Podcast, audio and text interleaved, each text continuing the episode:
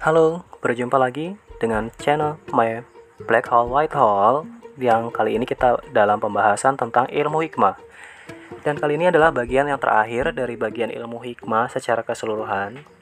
Dan kita akan membahas tentang pengajaran yang sederhana. Marilah kita masuki saja agar menjadi lebih jelas apa yang penulis maksudkan.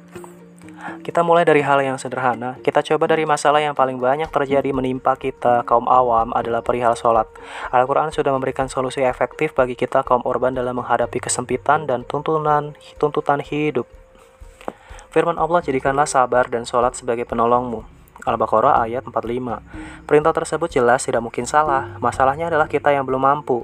Maka mulailah kita bertanya dalam hati kita, berdialog dengan tajam dan dalam. Apakah sholat yang diajarkan orang tua kita sudah benar sehingga sholat mampu menjadi penolong kita?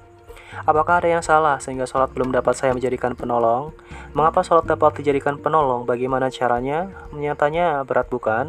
Kenapa kok saya tidak bisa melakukan hal itu? Hanya orang khusyuk yang dapat melakukan itu. Mengapa saya tidak bisa khusyuk? Terus bertanyalah dan jawablah dengan jujur, latih terus instrumen ketubuhan kita. Kuatkan hati dan terus bertanya kepada Allah bagaimana caranya agar kita mampu mengerti. Begitu juga dalam mengenal Allah, baiknya kita mulai dari ayat yang sering kita lafazkan sehari-hari, bisa dari Bismillahirrahmanirrahim. Pernyataan tersebut harus kita akui pasti benar.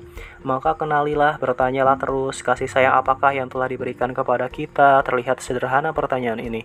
Namun seperti uraian di muka, saat kita tidak memiliki referensi apa pun tentang sifat kasih dan sayang Allah, kita tidak akan mampu mengucapkan ini dengan keyakinan. Ketika kita tidak yakin dengan ini, maka kita juga akan sulit mengenal Allah. Sebab dikarenakan kita tidak memiliki referensi sifat kasih dan sayangnya dalam diri kita. Ketika kita tidak mampu mengenal Allah, maka selanjutnya kita akan sulit khusyuk dalam sholat.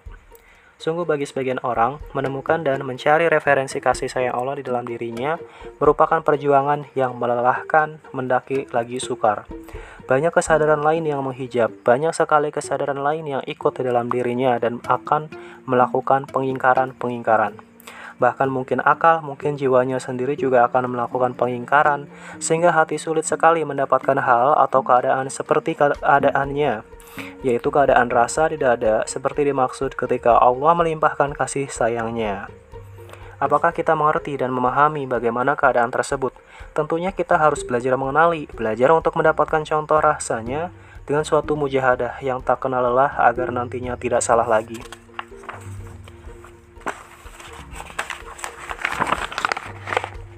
Kita harus terus istiqomah melewati fase-fase awal kesadaran-kesadaran yang berada dalam diri kita secara perlahan tapi pasti akan disingkap. Bagai mengupas kulit bawang selapis demi selapis. Yakinlah dengan mengenal Allah melalui sifat kasih sayangnya saja, kita sudah akan mampu menjalani kehidupan beragama dengan tenang, puas, dan ridho. Inilah pengajaran yang sederhana namun tepat guna dan manfaat. Bila orang tua kita hanya mengajarkan bismillah, maka masuki saja lebih dalam. Insya Allah dengan ini kita akan mampu mengerjakan dan mendirikan syariat dengan lebih ringan lebih ikhlas dan sabar. Agama selanjutnya tidak menjadi beban kita lagi. Insya Allah beragama dan bekerja akan sejalan meskipun penguasaan agama kita hanya sedikit. Berguru kepada Allah, masih banyak yang harus disingkapkan perihal bagaimana pengajaran Allah. Bagaimana keadaannya jika kita berguru kepada Allah? Sungguh luar biasa pernyataan yang diusung Ustadz Abu Sangkan. Dalam bukunya Berguru kepada Allah, meski menabrak logika berpikir umat Islam dan mendobrak mainstream yang begitu kuat, nyatanya pemahaman ini secara perlahan mampu diterima masyarakat. Meski pada awalnya banyak penentangan di sana-sini. Lambat laun, masyarakat mampu melihat dengan jernih ke mana muaranya. Pemahaman ini secara tidak langsung telah melahirkan paradigma baru dalam konsep berpikir tentang Islam itu sendiri. Semoga Allah senantiasa melimpahkan rahmatnya di atas diri beliau. Amin. Dalam perjalanan berguru kepada Allah, manusia akan diperjalankan dan diajarkan bagaimana memahami dirinya sendiri terlebih dahulu. Terutama adalah bagaimana manusia mampu memahami dualitas rasa yang telah disusupkan oleh Allah kepadanya. Rasa pada jiwa yaitu kefasikan dan ketakwaan. Manusia harus mengenalinya, membedakannya bagaimana sensasi rasa bila kita berada dalam makom kefasikan dan bagaimana juga keadaan sensasi rasa di jiwa ketika kita berada dalam makom ketakwaan. Sungguh kita harus mampu membedakan keadaan ini agar kita tidak tertipu. Manusia secara perlahan diminta mengenali rasa takut, rasa syukur, rasa takwa, tawakal, iman, sabar, harap, dan lain-lain. Dan berikut dengan dualitasnya yaitu rasa kebalikannya. Digulirkan juga rasa senang dan sedih, gembira dan nestapa, sukses dan kecewa, dan bagaimana memaknai hikmah di antara dua rasa itu. Kemudian bagaimana juga menetapinya. Rasa yang bagaimanakah yang bersumber dari daya Allah? Semua akan diajarkan satu persatu. Begitu dahsyatnya pengajaran itu hingga sangat terasa di badan, sebagaimana halnya sampai-sampai pada dada Rasulullah ketika sholat seperti bergemuruh saking dahsyatnya, hingga terdengar oleh orang di belakangnya. Maka ketika kita diajarkan rasa ini, sungguh kita harus istiqomah dalam keyakinan kepada Allah. Gemuruh di dada dan bagaimana sensasinya begitu luar biasa, benar-benar akan melumpuhkan dirinya.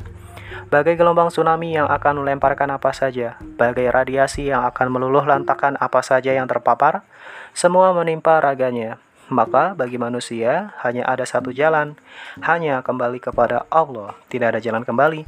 Apakah dia akan menjadi kafir setelah beriman? Itulah taruhannya.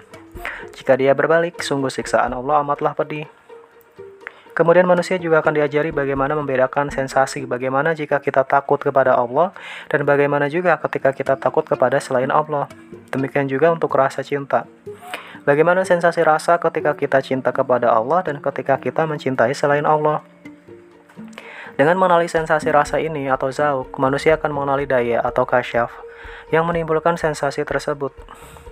Karena hakikatnya rasa hanyalah sebuah efek atas bekerjanya sebuah daya saja. Sebuah rasa panas yang ditimbulkan oleh alat pemanas atau bohlam lampu misalnya akan terasa bedanya jika daya listrik yang menghidupkannya berasal dari daya PLN ataukah bersumber dari daya sebuah baterai. Jika dari PLN akan lebih konstan, namun jika dari baterai dayanya semakin lama akan meredup sehingga nyalanya akan tak beraturan. Sensasi ini terasa nyata dan akan beda sekali lagi sekali bagi yang mampu merasakannya. Inilah perumpamannya, begitulah cara mengenali sebuah daya. Apakah daya dari Allah ataukah daya dari selain Allah? Kita mengenali dari sensasi rasanya atau zauk.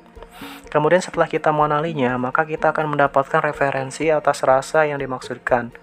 Allah akan memberikan contoh rasanya yang benar, bagaimana rasa yang sungguh-sungguh benar kita akan memiliki keyakinan yang kuat tentang kebenaran yang dimaksudkannya, tanpa rekayasa apa pun, benar betul betul-betul seperti ditaruh saja. Setelahnya, kemudian manusia harus mengupayakan dirinya agar menempati makom tersebut berdasarkan referensi yang sudah didapatkannya tersebut.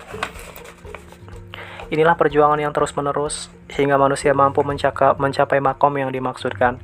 Begitu seterusnya sehingga tercapailah kearifan puncak menjadi manusia yang menjadi rahmat semesta alam. Dan sebagai penutup tentang ilmu hikmah ini, maka keadaannya hanya dengan mengucapkan bismillahirrahmanirrahim saja, ahli kitab tersebut sudah mampu memindahkan singgasana Ratu Bilqis sesuai permintaan Nabi Sulaiman. Begitulah yang diberitakan Al-Quran sebagai sebab karena orang tersebut sudah mampu mengkondisikan dirinya dalam suasana hal di mana dan bagaimana keadaan suasana itu. Saat ketika waktu sama dengan nol, bagaimana sensasinya? Dimensinya, dan bagaimana juga keadaannya dia sudah tahu dan sudah menjadi realitas bagi dirinya. Maka ketika orang tersebut sudah memiliki referensi sebagaimana hal ketika waktu sama dengan nol, realitas keadaan tersebut maka dia dengan mudahnya masuk berada dalam kondisi tersebut. Ketika dia sudah dalam kondisi tersebut, sama halnya bagi dirinya, waktu sudah sama dengan nol, maka selanjutnya mudah saja bagi dirinya berada di mana saja dan berbuat apa saja, karena bagi dirinya segala sesuatu sudah tidak berjarak dan tidak bermasa lagi maka sesungguhnya dia akan mampu melakukan segala sesuatu dengan sangat mudahnya, seperti mengkedipkan mata saja. Melakukan semua itu sebagai kewajaran, sebagaimana matahari yang selalu terbit melakukan dengan kerendahan hati. Sebuah kearifan puncak manusia, begitu, begitulah hakikat ilmu laduni. Begitulah rahasia kebesaran hikmah atas kitab-kitab Allah bagi orang yang mengetahui. Inilah pemahaman penulis, maka kembalinya kepada sidang pembaca memaknainya atau sidang pendengar ya dalam hal ini. Selamat mencoba. Wallahu a'lam. thank you